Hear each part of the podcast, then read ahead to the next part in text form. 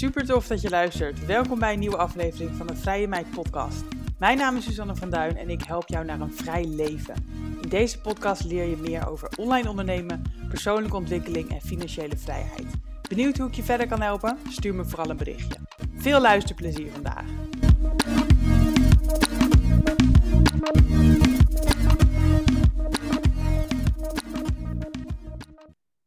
Lotte Lobé is 29 en had een goede baan in sales in Londen en later op de Amsterdamse Zuidas, maar besloot in 2020 toch voor zichzelf te beginnen.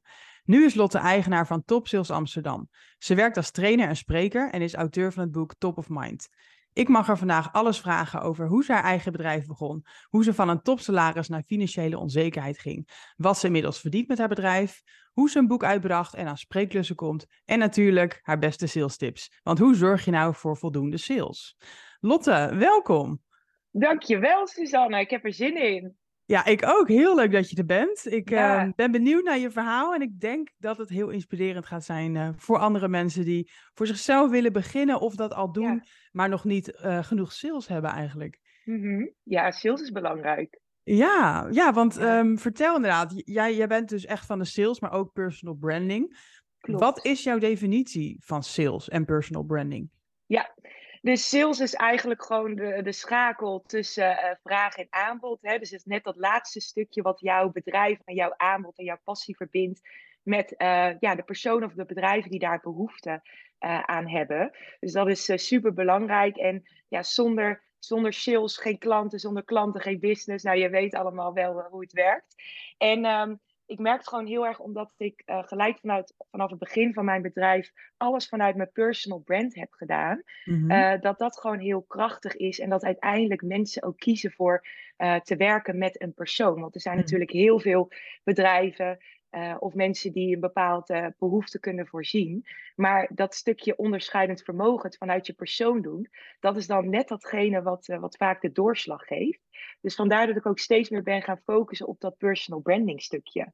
Ja, dus inderdaad, sales of personal branding is eigenlijk dan een onderdeel van sales ook. Ja, inderdaad. Dus meer ja, sales vanuit je personal brand. Daar geloof ik heel erg in. Ja, en het betekent letterlijk natuurlijk verkopen. Ja. Zie jij sales dan ook echt als iets wat altijd gericht is op de deal closen? Uh, niet altijd, want ja, soms dan matcht het ook gewoon niet. En dat is ook oké. Okay. En dan moet je denk ik ook, uh, ook laten gaan. En niet ieder contact komt ook een, uh, een sale uit. Uiteindelijk ja, gaat sales ook gewoon over netwerken, langetermijnrelaties. En kan er later misschien nog iets uitkomen. Maar goed, als het plat slaan, gaat sales natuurlijk wel gewoon over ja, verkopen genereren. Maar het is niet zo zwart-wit dat er altijd, zeg ook altijd, always be closing. Nee, soms is het gewoon niet. En dat is ook oké. Ja, ja, ja. En jij, jij bent op dit moment spreker, trainer en auteur op deze gebieden. Ja. Um, wat, hoe verdien jij daar je geld mee? Ja, dus uh, mijn grootste inkomstenbron zijn de in-company trainingen. Uh, dus dat zijn de sales trainingen, dus de meer klassiekere sales trainingen. Uh, bijvoorbeeld spin selling, dus consultative selling, vragen stellen, acquisitie, soms zelfs nog cold calling. En anderzijds is het stukje personal branding, dus vanuit je personal brand op LinkedIn, een stukje social selling. En um, ja, dus dat is mijn grootste inkomstenbron. Wat was jouw vraag ook alweer? Ja, nou precies, ja. hoe je precies geld verdient als, ja. nou ja, met top sales, zeg maar. Ja, ja. dus vooral in company trainingen. Dus dan train je, geef je een training bij een bedrijf eigenlijk. Ja, inderdaad. Ja, vaak uh, sales teams. En uh, dan heb ik nog een stukje spreken. Um, daar verdien ik ook uh, geld mee. En daar wil ik ook steeds meer op gaan focussen. dus nu is eigenlijk ja, de hoofdinkomstenbron zijn die trainingen. Maar ik wil mezelf steeds meer in de markt gaan zetten als, als spreker. Dus ik verdien ook geld met sprekersklussen. Mm -hmm. ja. uh, maar dat is ja, niet de, de hoofdstaak uh, op dit nee, moment. Nee, precies, precies. Ja. En, dat, en het auteur, nou ja, dat weet ik ook wel. Dat is ja. ook niet per se een vetpot, denk ik. Nee, nee, nee dat heb ik ook nog niet terugverdiend, die investering.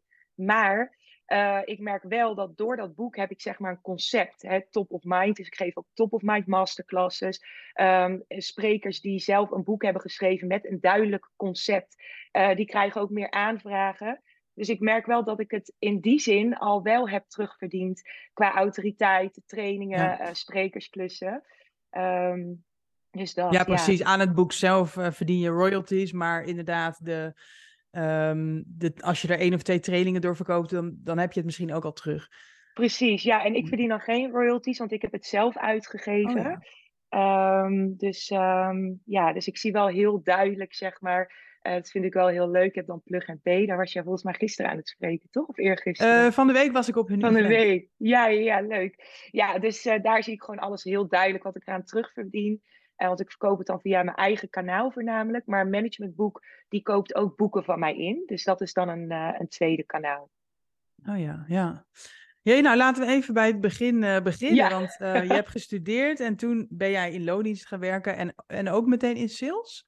Ja, ja. dus uh, ik werkte altijd al in sales. Dus wat ik deed was loten verkopen naast mijn studie. Um, dus echt het cold callen. En ik werkte ook bij de ABN AMRO als hostess. En daar was een event. Uh, van een bedrijf, een internationaal bedrijf. IHS Market heette het toen. En ik wilde altijd na mijn studie naar het buitenland, ook in de sales werken.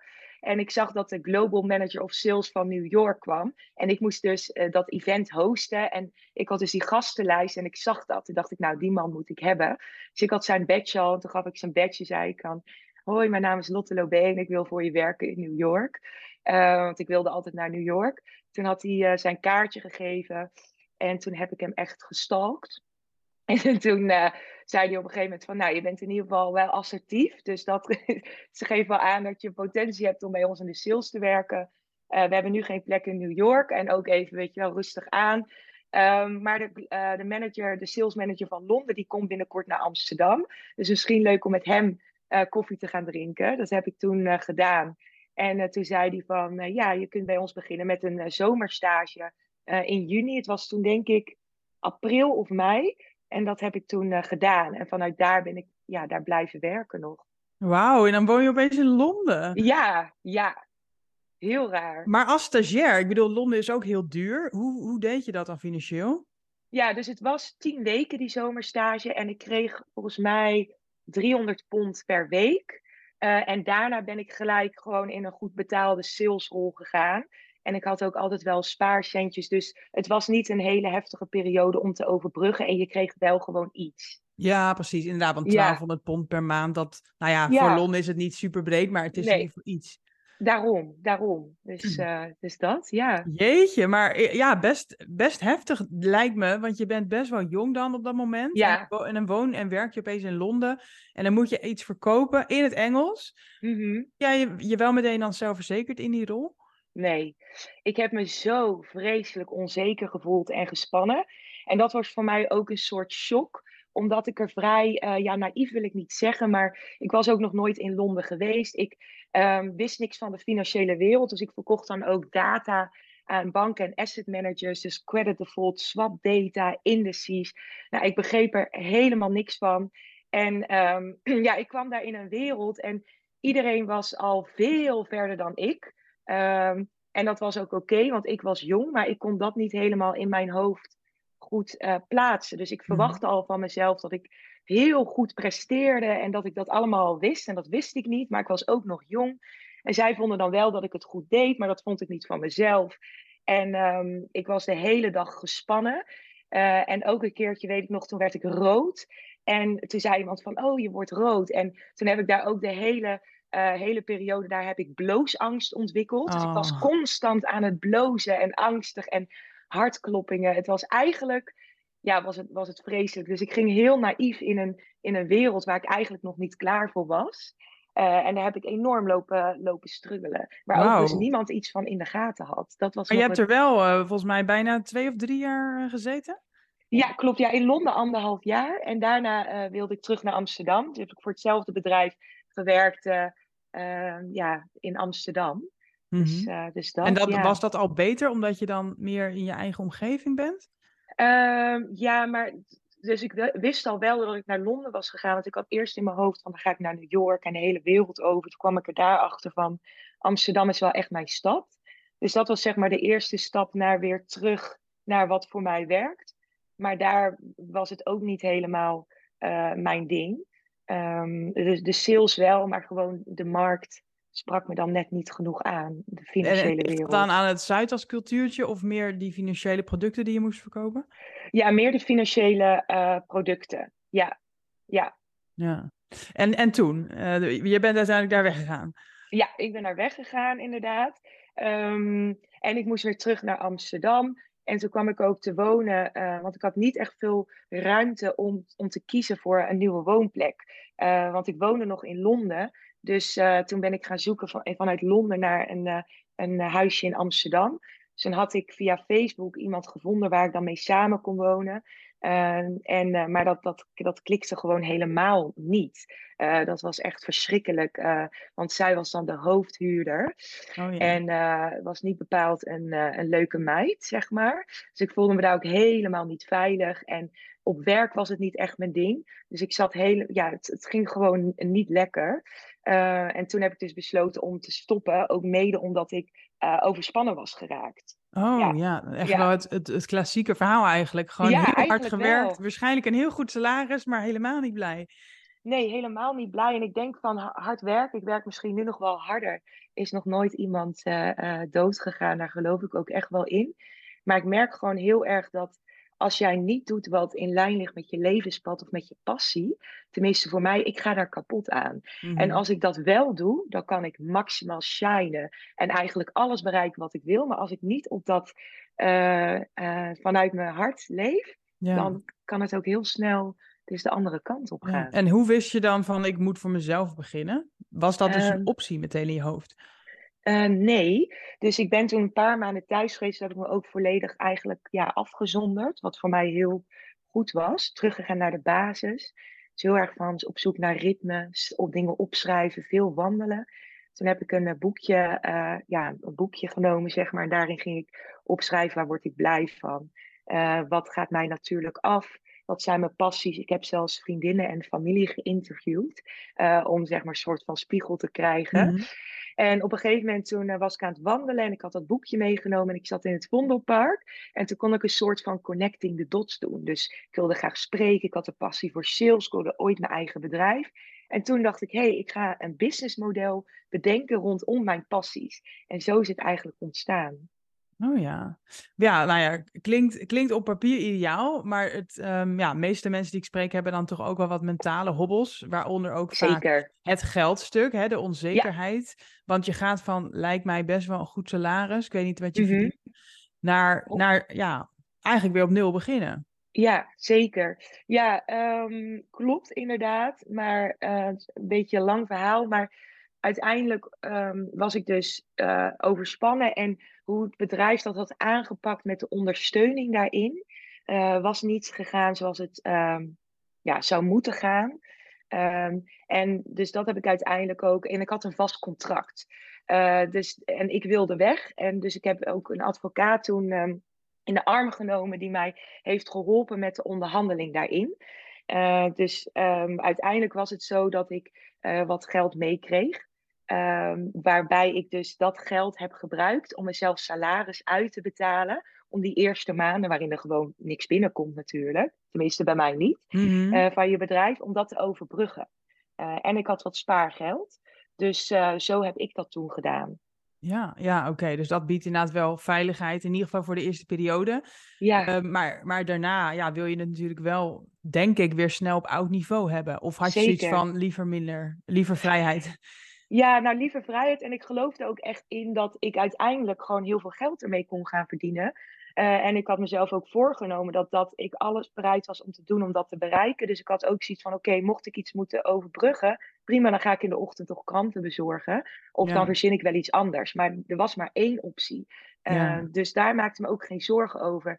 En ik geloofde er ook, in, ook heel erg in, wat uiteindelijk ook gebeurd is. Het gaat erom dat je merk opbouwt en relaties. En dat kost gewoon nou eenmaal wat tijd. Het is niet zo van, nou hier ben ik met mijn expertise en iedereen gaat mij boeken. Zo werkt het niet. Maar er komt op een gegeven moment wel een omslagpunt. En dat kan dan wel weer heel, heel snel gaan. Um, dus dat is, toen ook, uh, is er toen ook gekomen. Dus dat ik al wel weer op dat oude niveau zat. Dus het was eigenlijk een soort van niks, niks, niks, niks, niks, niks, niks, niks. Oude niveau. En toen ben ik, kon ik lekker gaan groeien. Ah, ja. Dus nou, hoe lang zat je dan weer op je oude salaris ongeveer? Um, ik denk dat dat toch wel zeker wel een half jaar, zeven maanden of zo, zoiets heeft geduurd. Ja. Ja. ja. En daarna verdien je zelfs meer. Hoe, hoe vet is dat? Ja, ja, en dat je dan ook weet van, en tuurlijk heb je onzekerheden, hè? want uh, ik begon toen op een gegeven moment ook in corona en uh, ik ging toen uh, werkplek huren, toch weer op de Zuidas. En ik dacht, nou, dan kom ik daar in een netwerk terecht en allemaal mensen. En toen weet ik nog heel goed, toen was net zo'n eerste lockdown. Ik had een dag op kantoor gewerkt, was helemaal geen kip daar. Ik kom die, dat gebouw uit en op de Zuid stond een oliebollenkraam en het regende. En bij die man bij de oliebollenkraam was niemand. Want ja, het was leeg. En toen dacht ik, ja, maar wie gaat er nu bij mijn kraampje kopen? Mm toen, ja, dat was even zo'n reflexmoment. Ik heb wel een oliebol gehaald bij, bij die meneer. dat ik echt, uh, dus ik heb daar ook wel heel veel.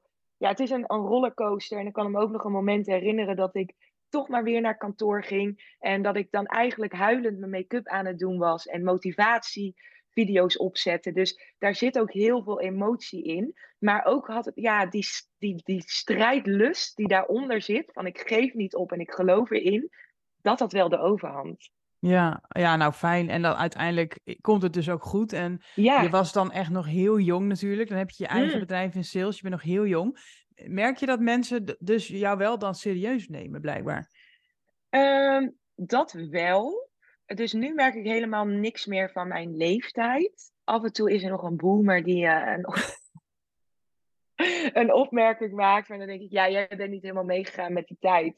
Dat is jouw probleem. Maar de, de meeste mensen die uh, een beetje hè, gewoon wat, uh, wat open in het leven staan, wat ook mijn doelgroep is. En ook de mensen zijn waarmee ik zaken wil doen. De rest is niet relevant voor mij, zeg ik altijd dan. Die zijn, ja, daar merk ik eigenlijk geen, geen ding. Maar wat ik wel heel erg had, wat mij dan ook raakte, in het begin dat het dan net lekker ging lopen en dat mensen zeiden van kom je daar een beetje van rond? Nou, ja, ja, ja. Oh, nou dan dacht ik echt van dat, dat, dat ging bij mij door merg en been gewoon. Dat ik dacht, oh, denk je dat ik een hobbyist ben? En kom je daarvan rond? Ik, dat, ik denk dat ik meer verdiende dan de persoon die dat vroeg. Ja. ja, maar dat heb ik niet meer. En als ik het wel heb, dan, uh, ja, dan bash ik het ook gelijk. Ja. ja, ik snap wat je bedoelt hoor. Ik kon daar ook altijd heel pissig om worden, die vraag. Oh, en nu denk ik echt van, ja, laat ze maar denken, weet je wel. Laat ze maar denken. Ja, maar het is op dat moment ook je eigen onzekerheid. Want je bent ergens ook nog op zoek naar bevestiging daarin. Hè? Dus je weet, ik doe mee. En, uh, maar ergens zit daar ook een soort van, uh, toch een onzekerheid. Als iemand dan zo'n opmerking maakt, dan raakt dat je. Ja. En wat voor bedrijven werk jij nu zo al dan voor? Wat voor bedrijven train jij dan? Ja, nou eigenlijk heel divers uh, binnen verschillende branches, van de advocatuur tot bedrijven in, in de software. dus echt ja, ja, heel divers. En dat maakt het oh, ook leuk. Maar wel allemaal een beetje corporates of ook kleinere bedrijven? Ook wel, wel start-ups. ja, start-ups, cor corporates, MKB. ja, van alles wat eigenlijk. Oh ja, ja. maar niet, nou, je bent niet zeg maar de salescoach voor andere ondernemers, zeg maar. Het is echt wel meer bedrijven. Ja, meer bedrijven. En ik, doe, ik deed eerst ook één op één uh, coaching. Uh, maar nu doe ik wel nog één op één uh, sessies aanbieden van anderhalf uur. Dat ik vaak merk ook ondernemers die dan bij mij kwamen, dat ze al vaak wel een goede basis hadden. En ik kan ook best wel snel van hup, hup, hup, hup, hup, dit, dit moet er gebeuren. Dus heel praktisch. Uh, dus dat, die lange trajecten, uh, dat dat bij de doelgroep die ik aantrek mm -hmm. vaak niet uh, nodig is. Dat is gewoon mm -hmm. even, even alles op scherp sessie. En dat vind ik ook ja. mega leuk, ja. ja.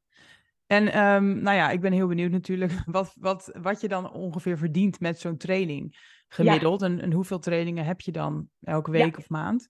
Ja, dus um, ik verdien als ik zelf een training geef van, uh, van drie uur, uh, ik vraag nu 1750 euro. Uh, maar ik wil dat wel omhoog doen. daar ben ik ook mee aan het experimenteren. En een dagtraining is zo rond de 3000 euro.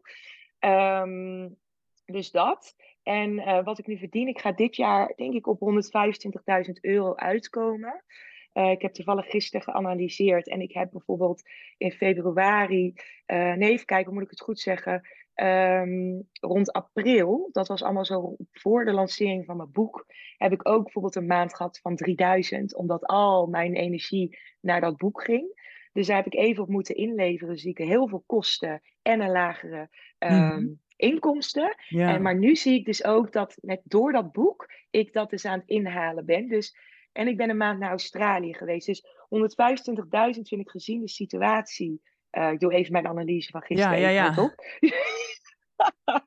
vind, ik, eh, vind ik goed. Maar als ik kijk naar mijn potentie, dan eh, met alles wat ik nu heb gedaan dit jaar, wil ik volgend jaar echt op 2 ton gaan zitten. Dus 20.000 Oh, per maand. Ja. Ja, en wat voor kosten? Nou ja, di- dit jaar had je natuurlijk kosten van je boek, dus dit Ja. jaar liggen je kosten misschien wat hoger. Maar wat, Klopt. wat zijn inderdaad dan reële kosten om aan te denken per jaar? Ehm, wacht, ik doe ondertussen even Moneybird eh op, eh opstarten. Ah, leuk. Ik zit ook Ja. bij Moneybird. Ja. Echt, I love it. Ik vind het zo leuk om, om lekker in die, in die rapporten te zitten. Dus mijn kosten waren dus dit jaar zijn, zijn nu op 21.000 euro. Dat heeft voornamelijk te maken met dat boek. Maar bijvoorbeeld vorig jaar, ehm 2022, was het eh 11.000 euro. Oh ja, nou dat vind ik inderdaad heel netjes. Ja, dus mijn kosten echt valt reuze mee. En als ik dan kijk waar mijn kosten voornamelijk naartoe gaan, is het toch eten en drinken. Ja, ja, Eh, van horeca, meetings, dat soort dingen. Ja, en broodjes kroket van de Smullers. Dat eh, is wel echt iets wat ik anders moet gaan Maar dat zet je wel lekker op de zaak. Voordat we verder gaan, wil ik het even met jullie hebben over een belangrijk onderwerp voor ondernemers, namelijk je administratie. Voor weinig mensen een favoriet klusje, maar wel noodzakelijk. De boekhoudtool Moneybird maakt het begrijpelijker en leuker om je administratie te doen. Denk aan offertes maken, facturen versturen en ontvangen, facturen betalen en, mijn favoriet, inzicht krijgen in je cijfers. Ook je btw-aangifte doen is dankzij Moneybird echt een eitje en je kan sinds kort zelfs ook een zakelijke bankrekening erbij openen. Via de link in de beschrijving van deze podcast kan je Moneybird nu 120 dagen gratis proberen. Ja, want dat doe ik altijd na een training. Ik ga dan vaak, ja, meestal met de trein. Dus ik ben dan best wel vaak onderweg. En ik zit nu in een broodje kroket van de smullersfase. Eh, dus dat, moet, eh, dat, dat gaan we even anders doen. Ook Nou, op zich, eh, lunchen kan ook duurder. dus ik vind het nog steeds... Daarom, dus misschien, ja, top. Ja, dus nee, maar qua kosten kan ik het heel laag halen en houden. En ik had hiervoor ook een kantoor op de Zuidas. Daar heb ik ook afscheid van genomen. Omdat ik er niet veel was. Dat vond ik dan ook zonde. Ehm, dus eh, nee hoor, dus qua kosten denk ik mm, 10.000 euro. Ehm, ja, dat dat, ja, Ja. 1000 euro per maand. En hoeveel kosten zitten er dan dus in het boek? Eh, toch wel tussen de 15.000 en 17.000 euro. Oh ja, en dat is, Ja. eh, dat is zeg maar inclusief eh, papier, drukken, maar ook een, een redacteur en een vormgever of zo? Ja, dus eh, vormgever, eh, redactie, drukkerij. Ik heb er 500 laten drukken. En ik heb best wel ja, een duur boek laten drukken. Goudfolie, twee kleuren aan de binnenkant. Fotografie, ik heb een heel groot event georganiseerd. Daar moest dan ook weer een fotograaf zijn. Eh, ballonnen, echt alles, alles erop en eraan. Ik wilde volledig uitpakken. Mhm. Dus ik heb daar ook over nagedacht. Ik zou best nog wel een keer een boek schrijven. En ik denk dat ehm, ik een beetje ben, eh nou doorgedraaid wil ik niet zeggen, maar het, tegen het perfectionistische aan, wat het boek Mhm. betreft. En ik denk dat ik met minder eh, geld hetzelfde resultaat had kunnen behalen. Ja, ja. Want inderdaad, zo'n event, vind jij dan dat dat inderdaad echt wat oplevert? Ja, dus dat heeft me zeker wat opgeleverd. Want eh, op dat moment had ik ook een enorme piek. En wat ik ook gedaan had, ik had heel veel mensen uitgenodigd. Ik denk dat er iets van 80 mensen waren. Eh, daardoor had ik ook weer content. En ik vond het ook gewoon een leuk reflectiemoment. Dat alles wat ik had opgebouwd, alle zakelijke relaties, maar ook vrienden en familie. Om dat bij elkaar in een ruimte te hebben. Even Mhm. dat moment van, hé, hey, ik ben met nul begonnen en, en, eh, en dit is het. Ja. Ehm, en wat ik had gedaan is mijn boeken allemaal op stapels gelegd, een QR-codetje, dat mensen ook gelijk een boek konden meenemen. Kopen dus. Ja, ja, ja, Ja, ja. kopen inderdaad. Ja, ja jij, jij gaf het boek niet weg aan iedereen die er was. Nee, Nee, nee, precies. precies. Nee, ja, mensen kopen het dan toch wel, denk ik. ja, ja, zeker. En, en hoe lang heeft het proces geduurd van het, nou ja, van idee tot schrijven tot uiteindelijk dat hij er was? Een jaar tot anderhalf jaar, eh, waarin ik het in verschillende periodes ook heb losgelaten. Eh, ik ben toen zelfs eh, naar Bali geweest om aan mijn boek te schrijven, hoe cliché. Ehm, maar toen zat ik veel te veel in de push-energie. En ehm, ehm, toen is mijn laptop daar ook kapot gegaan. Dus dat Oh. was een sign van de universe, van doe nu maar even normaal. Want ik zat toen ook op Nusa Lembongan in zo'n mooi strandhuisje. En ik kwam daar aan en ik was meteen van waar zie je wifi? En ik had ook nog een meeting. Toen had ik het zelfs zover geschopt dat ik in de, de kantoor zat van de manager van het hotel met wifi. Ik deed mijn laptop open en bam, hij was, eh, hij was kapot. Eh, toen dacht ik van ja, het is nu even tijd om het los te laten en te gaan genieten van eh, de tijd hier. Ja. Ja, ja, precies. Soms heeft het ook gewoon tijd nodig. Hè? Een Ja. boek, je kan ook, nou ja, ik kan ook niet fulltime aan een boek schrijven. Nee, nee. Nee. En eh, nou ja, wat mij eh, heel lastig lijkt aan een boek in eigen beheer, is toch wel weer van hoe krijg je het ook echt in de winkels? Ik heb geen contacten nog bij Bruna of zo, of, of weet ik veel. Ja, hoe werkt dat? Hoe, hoe Ja. heb jij dit gedaan? Ja, dus bij mij ligt het boek niet fysiek in de winkels. Eh, ik wil dat misschien nog wel gaan doen, dat ik gewoon langs ga met de verkoopcijfers bijvoorbeeld en vraag mag ik een stapeltje neerleggen. Dus ik heb echt gefocust op mijn eigen kanalen, dus via Plug and Pay en eh Management Boek. Daar heb ik wel eh, dus gevraagd of zij het wilden hebben en eh dan stuur je een exemplaar op en zij kopen het dan van je in. Mhm. Dus dat, ja. Ja, oh ja. Dus inderdaad, en, en op Bob.com? Daar, wil ik het, daar heb ik nu een account op aangemaakt. Maar ik ga nu een, een kortingsactie doen. voor eigenlijk en te zeggen van hè, nog nu alvast beginnen aan het bouwen van je personal brand. Dan kun je in 2024 goed beginnen. Dus daarna wil ik hem bij bol.com aanleveren. Want je mag maar één keer in het jaar korting geven op je boek. Moet je ook dan aanmelden. Jij weet hoe het werkt. Ja, ja. Dus ik doe dat maar een hele korte periode. Om ook eens te kijken van hè, hoe, hoe gaat dat dan? Hoe werkt dat of, of juist niet? En daarna wil ik hem bij bol.com. Want je moet dan ook weer je partners informeren. Dus ik dacht, nou, dat, dat schrijf ik even vooruit. Ja, ja, precies. Het klinkt voor mij dan ook toch alweer als een hoop gedoe of zo. Maar Ja. ja, het voordeel is dan wel weer dat als je het in eigen beheer hebt gedaan, dat natuurlijk ook de winst eh, voor jou is en niet voor een uitgever. Zeker, ja, ja, ja. ja maar die winst heb ik er dus eh, nog niet uit. En ehm, dus ja, ik, ja, dat gaat wel, wel lukken. Maar ik zie de, dit eerste boek ook als een, als een experiment. En ik wil ooit nog wel een keer eh, een boek schrijven. En dan, dan heb ik alle kennis. En, Mhm. Maar het was zo ontzettend veel. eh, Ja. Je bent eigenlijk gewoon uitgever. Ja, ja, nee, zeker. Ja, het is, eh, het is een klus. nou, Ja. laten we ook even over de inhoud hebben, want inderdaad, het heet ehm, Top of Mind. En het gaat dus wel Mhm. verder dan echt het, het harde salesstuk, maar meer ook Ja. het, nou ja, het personal branding, ook social media, PR zag ik. Ja. Veel breder eigenlijk, hè? Wa- Waarom heb je het breder getrokken? Ja, dus ik heb eigenlijk gekozen voor, als je kijkt naar het salesproces, heb je eigenlijk een aantal fases die je standaard doorloopt. Dus een stukje acquisitie, eh, dus klanten vinden waarvoor je verschillende kanalen inzet.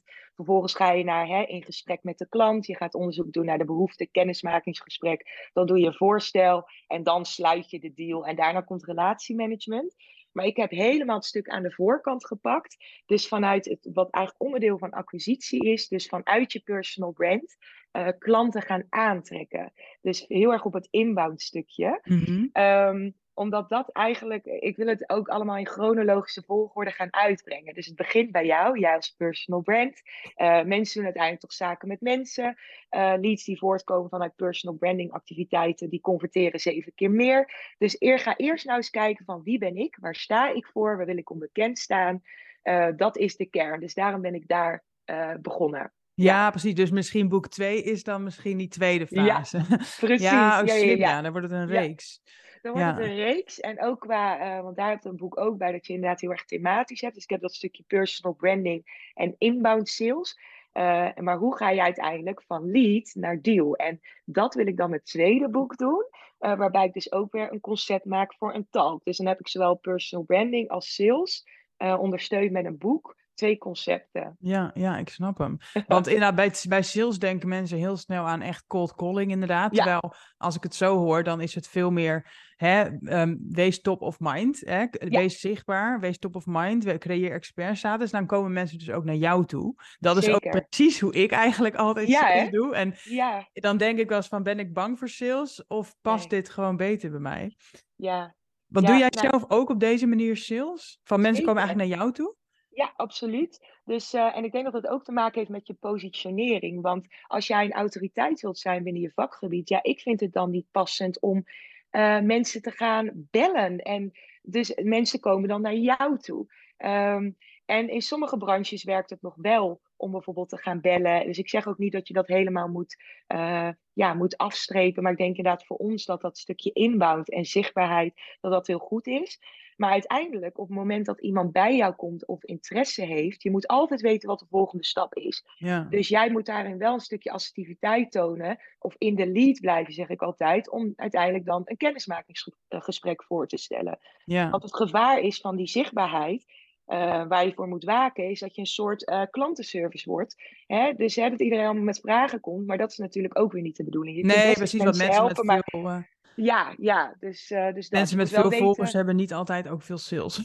Nee, daarom, daarom. Dus, dat, ja, dus daar komt dan wel weer dat stukje ja, assertiviteit bij kijken. En even advocaat van de duivel hoor, maar ik heb jouw boek natuurlijk ook in huis. Um, ja. Maar het gaat niet heel veel over jou, zeg maar. Dus wat dat betreft dacht ik van, het is niet zozeer jouw personal brand. Nee. Hoe, hoe kijk jij daar tegenaan? Ja, dus vanuit mijn personal branding perspectief um, heb ik gekeken van waar wil ik onbekend staan. En dat is dat stukje personal branding. En straks natuurlijk ook meer nog dat salesstuk naar voren brengen. Wat eigenlijk als, wat ik als eerste deed. Um, dus daarom heb ik geschreven over personal branding. Dus ik wil dat mensen een associatie maken tussen mij en mijn uh, expertisegebied. Dus daarom heb ik daarvoor gekozen. Ja, daarom zit er niet, niet heel veel Lotte in eigenlijk, maar vooral ja. Lotte's kennis. Precies, Lotte's ja, kennis, inderdaad. Ja, ja. Ja, oké. Okay. En doe je dat ook op je, op je kanalen op die manier? Ja, dus ik ben wel heel erg van Um, de, de mentale associatie die ik wil creëren bij mijn doelgroep is, als ik aan Lotte denk, dan denk ik aan sales en personal branding. Denk ik aan sales en personal branding, dan denk ik aan Lotte. Dat is ook wat ik heel consistent in ben geweest de afgelopen jaren. Maar ik vind je vraag wel interessant, omdat ik nu uh, ook zelf voel en ook wil dat er meer ruimte uh, wordt gecreëerd voor het persoonlijke stuk. Um, maar uh, ik heb daar bewust ook niet voor gekozen, omdat ik eerst die in, op professioneel mhm. vlak die positie wilde hebben. Want als je allemaal te veel dingen gaat uitzenden en je levensverhaal erbij, dan weten mensen ook niet meer waar je van bent. Ja, nee, dus dat is ook, waar. Ja, dus uh, dat. En dan komt en je kan... ook een stukje... Ja, vertel, sorry. Ja, nee, ik wou zeggen, je kan natuurlijk uh, persoonlijk zijn zonder per se je hele leven te delen. Absoluut. Ja, is ook zo. Is ook zo. Dus Um, ja, dat, dat doe ik ook zeker ook in, in contact met klanten. Ik zou ook altijd mijn eigen ervaringen vertellen. En één op één uh, ben ik ook heel erg kwetsbaar. Maar uh, bijvoorbeeld in mijn content, als ik iets persoonlijks vertel, heeft het altijd wel een link met business. Mm -hmm. Maar ik wil ook meer uh, kwetsbaar zijn, ook online. Maar ik ben ook heel erg zoekende van hoe dan? Ja. dus mijn eerste intentie is om bijvoorbeeld in podcasts zoals deze wel gewoon alles eerlijk uh, te vertellen en ook het persoonlijke stukje, omdat er dan naar gevraagd wordt. Ja. Um, maar ik weet dus nog niet helemaal. Ik voel wel dat ik dat meer wil doen en dat het ook goed is om te doen. Maar hoe ik dat ga verweven met in mijn bijvoorbeeld mijn content, dat mm. weet ik nog niet. Ja, nee, ja, dat, maar dat is ook goed om dat gewoon rustig te onderzoeken. Want het moet ook niet een soort trucje worden, zo van, nee. oh, ik ga eens even lekker huilen op Instagram en dan ben dat ik zo lekker kwetsbaar. Daarom, daarom. En uh, dan is het ook meer eigenlijk omdat ik um, niet het, de, het beeld wil wegzetten dat bij mij altijd alles goed gaat. Want dat mm. is helemaal niet zo. Ik heb ook mijn struggles en iedereen heeft dat. Maar ik heb altijd zoiets van, ja, we zijn allemaal mens en dat heeft iedereen. Maar ik denk dat niet zo iedereen dat kan zien. En dat het daarom wel belangrijk is om, je, om dat ook duidelijk te maken. Maar hoe ik er nu ook in sta, ja, mensen huren mij in ook om hen te helpen met hun zakelijke uitdagingen. Mm. Dus mhm. hoe relevant is dat dan? Ja, ja, nee, dat is waar. Zeker gezien jouw doelgroep, die toch wel meer hè, de, de grotere bedrijven zijn. Of, ja. Uh, ja, dat, misschien is het weer anders als je je op kleinere ondernemers richt. Ja, precies. Ja. Dus ja, ik heb zoiets, eh, als mensen mij iets vragen, zo net als jij, dan vertel ik gewoon alles open en eerlijk en ben ik kwetsbaar. Um, maar hoe ik dat, ja, ik weet, ik weet het nog niet. Ik sta nee, er nee, wel okay. voor open, maar we gaan het meemaken. Ja, en, en wat betreft uh, jouw content, hè, ik zag dat je in het Engels um, veel uh, deelt, op Instagram ja. bijvoorbeeld dan. Waarom doe je dat? Zijn jouw klanten dan toch ook wel internationaal? Ja, ja dus um, dat is ook mijn doelgroep. En dat zie ik ook vaker terugkomen, dat internationale sales teams. Omdat ja, vaak dan zijn er verschillende regio's. Uh, dus daarom. En dus dat bewust is mijn doelgroep. Uh, is ook soms internationale sales teams, maar ook um, gewoon Nederlandse sales teams of Nederlands sprekende sales teams. Maar die zijn dan ook alweer zo ontwikkeld dat zij ook vaak in het Engels communiceren. Dus dat maakt niet uit, heb ik gemerkt. En ik heb ook internationale ambities. Oh, dus uiteindelijk wil ik gewoon een spreker worden die internationaal geboekt wordt. Dus dat heb ik vanaf het begin al zo bedacht en daarom heb ik hem zo ingezet. Ja, en het, het boek dan? Het boek is inderdaad, dat matcht niet helemaal. Uh, ja, daar heb ik wel gekozen om het eerst in het Nederlands uit te brengen. Uh, voor de Nederlandse doelgroep. Um, ja, en als het dus mega, mega succes zou zijn, zou ik het altijd nog internationaal kunnen uitbrengen. Ja. Um, dus dat, uh, ja, daarin heb ik een andere keuze gemaakt. Ja, precies. Ja, ja. Je moet ook soms kiezen wat is handig, hè? Ja, inderdaad. En, en hoeveel, heb, hoeveel boeken heb je nog? Um, ik, heb er ook wat ik heb verkocht. Ik zit nu rond de 500. Uh, ik heb er 1500 laten drukken. Uh, en ik merk dat ik nu weer in een piek zit. Dus ik ben nu weer echt lekker aan het verkopen. Feestdagen. Um, ja, ja, nou dat, daar kan ik dus ook weer op focussen. Maar ook omdat ik er zelf weer meer energie in heb gestoken. In enorm had ik, eh, in het begin had ik een, een, goede piek. Toen was het even stil, omdat ik er zelf ook redelijk klaar uh, mee was. Ik had bijvoorbeeld ook veel uh, uitdagingen met het proces. Er waren heel veel boeken niet goed gedrukt. Uh, dus daar heb ik heel veel ellende van gehad. ook daarin in de samenwerkingen met die partijen, waarin alles niet helemaal eerlijk is gegaan. En, hè, dus daar heb ik ook wat conflict gehad. het kwam allemaal op mij. En um, ja, op een gegeven moment dacht ik echt ja, dat ik zoiets had, ik steek ze allemaal in de fik. Ja. Ik ben er klaar. Ja, want hoe, het is, het is ook best lastig, zeker als je niet op bol.com staat, zeg maar, hoe zorg je inderdaad ervoor dat er nog duizend boeken verkocht gaan worden binnenkort? Ja, ja. Hoe doe jij dit überhaupt? Ja, dus um, nou, bijvoorbeeld als ik spreek, uh, wat ik nu ook doe aan het einde is een QR-code bijvoorbeeld. Of ik benoem mijn boek, dus dan merk ik dat, uh, dat mensen ook weer kopen. Uh, via social media, via managementboek. Um, dus dat voornamelijk. En ook um, bij mijn trainingen vraag ik van, joh, wil je naslagwerk bijvoorbeeld? Dus dat, uh, en nu met de feestdagen hoop ik weer lekker te boosten. Dus voornamelijk via mijn eigen kanalen en eigen netwerk. Ja. ja, want als je na het, bij een training ook meteen het hele team een boek zou kunnen bijverkopen, dat, dan tikt het een beetje aan. Daarom, daarom. Dus, um, en doen bedrijven dat dan ook?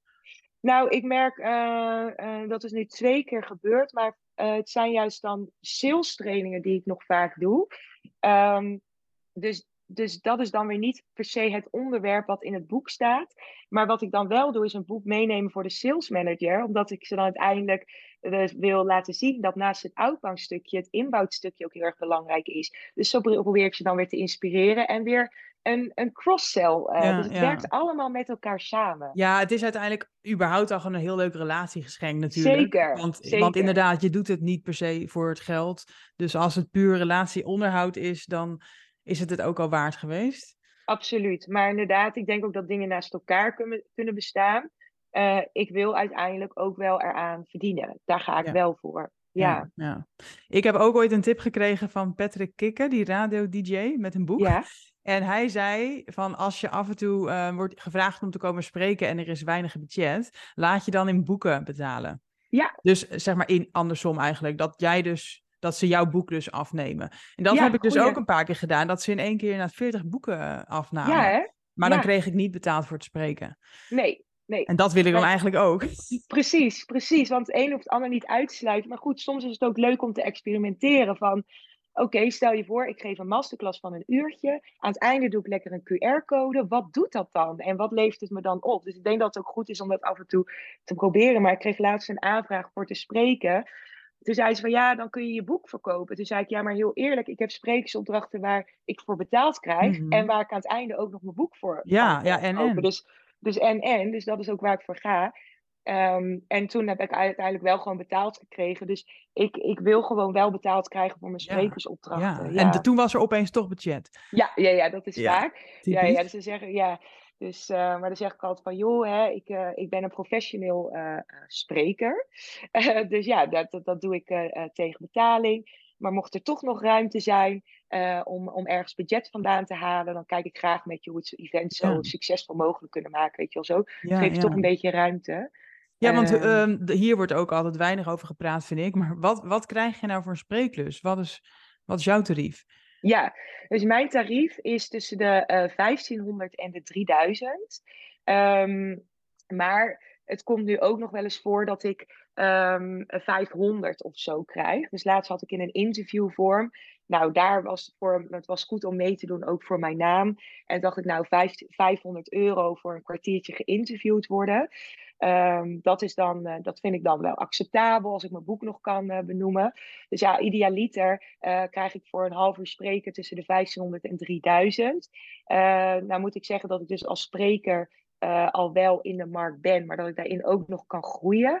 Dus Mhm. dat ik wel iedere keer die afweging maak van ja, ik doe dit wel om die en die reden. Maar Ja. ik ga niet onbetaald een, eh, een sprekersopdracht Nee, doen. Dat ik vind dat ook zo'n lastige afweging. Want aan de ene kant levert het je dus naamsbekendheid op en is het ook Ja. een soort PR. En aan de andere kant, ja, wil je, wil je liever betaald worden. Zeker. En zo, zo brengen die mensen het ook vaak, vind ik. Van ja, dat is goed voor jouw exposure. Ja. Ja, dan denk ik van ja, ik vraag dan, het zijn soms ook mensen die aan die loondienst zitten. En dan denk ik, als jouw baas vraagt of jij morgen een dagje gratis komt werken, doe je dat dan ook? Ja, Dus ja. ja, dus dan denk ik, ja, exposure. En ik denk dat wij ook wel genoeg exposure hebben in die zin. En dat we ook niet afhankelijk zijn per se van, eh, van anderen daarin. Dus dan, ja, ik zeg dan soms heel eerlijk van, ik ben, ik ben, een, prof, ik ben een professional. Dit is mijn baan. Mhm. En er zijn eh, eh, evenementen die mij inhuren waar ik en exposure krijg en gewoon betaal. ja, ja, ja. Dus gewoon eerlijk zijn. In, eh, kan ook gewoon op een net, nette manier. Maar ja, ik, ja, maar dat zit, bij mij zit er vaak nog een irritatiepuntje. Doe, ja, dat snap ik. Doe jij dit soort dingen dan per mail, deze onderhandeling? Of bel je dan altijd even? Eh, bellen, maar ik had laatst iemand was dan op een event. Eh, en die, er was een event en die vroegen dan om sprekers. En heel grappig, want deze persoon is alleen maar over het posten, over staan voor je waarde en dit en dat. En eh, nou, wel, ze hadden geen budget. En eh, toen heb ik wel gewoon in een berichtje gezegd van, hè, ik ben een professional spreker, mocht nog budget zijn, bla bla bla. Maar toen dacht ik wel van, ja, het klopt ook niet met, met jouw visie wat je dan deelt. Van je moet staan voor je waarde en dan ga je mij vragen om gratis te werken. Ja, heel raar. Ja, heel irritant ook. Maar we houden het ook met z'n allen in stand als we dit soort dingen allemaal gratis blijven doen. En andersom Klopt. ook verwachten dat mensen gratis komen spreken. Ja, is ook zo. Maar ik vind ook wel van, ehm, eh, dit zijn wel de uitzonderingen. Dus ik merk dat, eh, dat heb jij misschien ook wel, dat de meeste mensen, klanten je gewoon serieus nemen, willen betalen voor je waarde. En ehm, ja, soms zitten er wel eens mensen tussen die het niet begrijpen, in mijn ogen. Eh, dan laat ik gewoon duidelijk merken waar ik voor sta. Op een hele nette manier, luchtige manier. Eh, doe je met me mee, dan ben je van harte welkom om me in te huren. Zo niet even goede vrienden en, eh, en succes met je event. Ja, ja, dat is ook zo. Ik had mijn ehm, eerste boeklancering, toen heb ik ook twee mensen laten spreken, die heb ik niet betaald. Maar dan Ja. ben ik daar wel gewoon ook transparant over. Zo van, ja, Ja. ik verdien zelf ook echt geen kont aan dit event. Ja, ja, ja. Dus ja, mocht je het gratis willen doen, heel graag. Ja, en anders snap ik het ook. En Ja. toen deden ze het gratis. En het tweede event heb ik toen een soort symbolisch bedrag geboden. Omdat ik er wel van hou om mensen te betalen. Maar ik, ik had inderdaad niet heel veel. Dus ja. ik wilde in ieder geval wel iets bieden. En het Mooi, ja. la- laatste event wat ik, of nee, het ene laatste event wat ik heb georganiseerd, heb ik mensen echt wel gewoon fatsoenlijk betaald wat ze ook vroegen. En dan heb ik gewoon de kaartverkoop duurder gemaakt. Ja. Ja, want weet je, als dat gewoon de prijs is, dan is dat de prijs. En dan moet ik maar zorgen dat ik het op een andere manier verdien om, te, om ze te kunnen betalen. Ja, goeie. Ja, maar ik merk ook vaak als ik zaken doe met zelfstandig ondernemers, hè, zo voor één op één sessie of wat dan ook, of andersom, dan betalen we elkaar altijd heel snel. Ehm, dus dan weet je gewoon, omdat je het voelt, van hoe belangrijk dat is. En dat dat ook een soort van respect is naar elkaar Ja. toe. Van hé, hey, ik betaal jou, eh, betaal je gelijk. Maar moet ik wel zeggen, kijk, wij zijn natuurlijk, hebben al een hele groei eh, doorgemaakt. Maar toen ik net begon met mijn bedrijf, dacht ik, ik moet wel iets van een portfolio opbouwen. Dus toen Ja. heb ik wel bijvoorbeeld, eh, eh, dacht ik, nou, dan ga ik maar beginnen met eh, gastcolleges. Dan ging ik mezelf gewoon vragen, mag ik gastcolleges komen geven om toch iets van ervaring op te bouwen? Ja, Ik heb één keer daarvoor betaald gekregen, maar ook een keertje niet. Ehm, dus ik, ik geloof er wel in dat als je echt helemaal vanaf het begin begint, je soms ook hè, moet kijken van kan ik, op, op dat moment is er heel veel waarde om een review te hebben of iets, iets in je portfolio. Dus, Ja. Maar op een gegeven moment moet je wel zeggen van, hé, hey, en nu is het klaar. Nou, exact, ja. Want, want soms denk ik dat, nou ja, we, dat, dat wij, vrouwen slash mensen, dat we iets Mhm. te lang blijven hangen in die fase van ik moet Ja. nog wat ervaring opdoen. Terwijl, Mm. hoeveel ervaring heb je nodig? Hè? Op een gegeven moment kan je ook gewoon betaald worden. Maar waar, waar ligt dat punt voor jou? Ja, voor mij was het vrij snel. Dus eigenlijk was het in het begin gewoon puur praktisch. Van ik moet en een review hebben. En eh, bijvoorbeeld een keer dat ik ergens heb gesproken. En toen was het gelijk klaar. Maar toen deed ik dat ook heel bewust. Gewoon verzamelen wat ik nodig heb. Dus nog steeds voor mezelf. En ik denk dat dat heel belangrijk is. Dat jij dingen doet die voor jou op dat moment het beste uitkomen. Ja. Dat klinkt heel gehaaid. Maar als ondernemer moet je ook zo denken. En uiteindelijk gaat het erom dat je er samen beter uitkomt. Maar daarna had ik wel zoiets van, eh, heb ik ook gelijk facturen eh, gestuurd. Dus dat was altijd de intentie. Maar ook wel daarin realistisch zijn. Van ja, als je nog helemaal nergens je aanbod hebt eh, gedaan. of nog nooit een try-out hebt gedaan met een training. en je wilt wel kwaliteit leveren. Dan zul je ook aan jouw kant een investering moeten doen om dat te testen. Ja, precies. En die spreekklussen, regel jij die zelf of word jij benaderd? Hoe werkt dat? Eh, nou, ze komen voornamelijk vanuit mijn eigen netwerk. Eh, dus eh, ook weer dat stukje top of mind awareness, dat ze naar mij toe komen.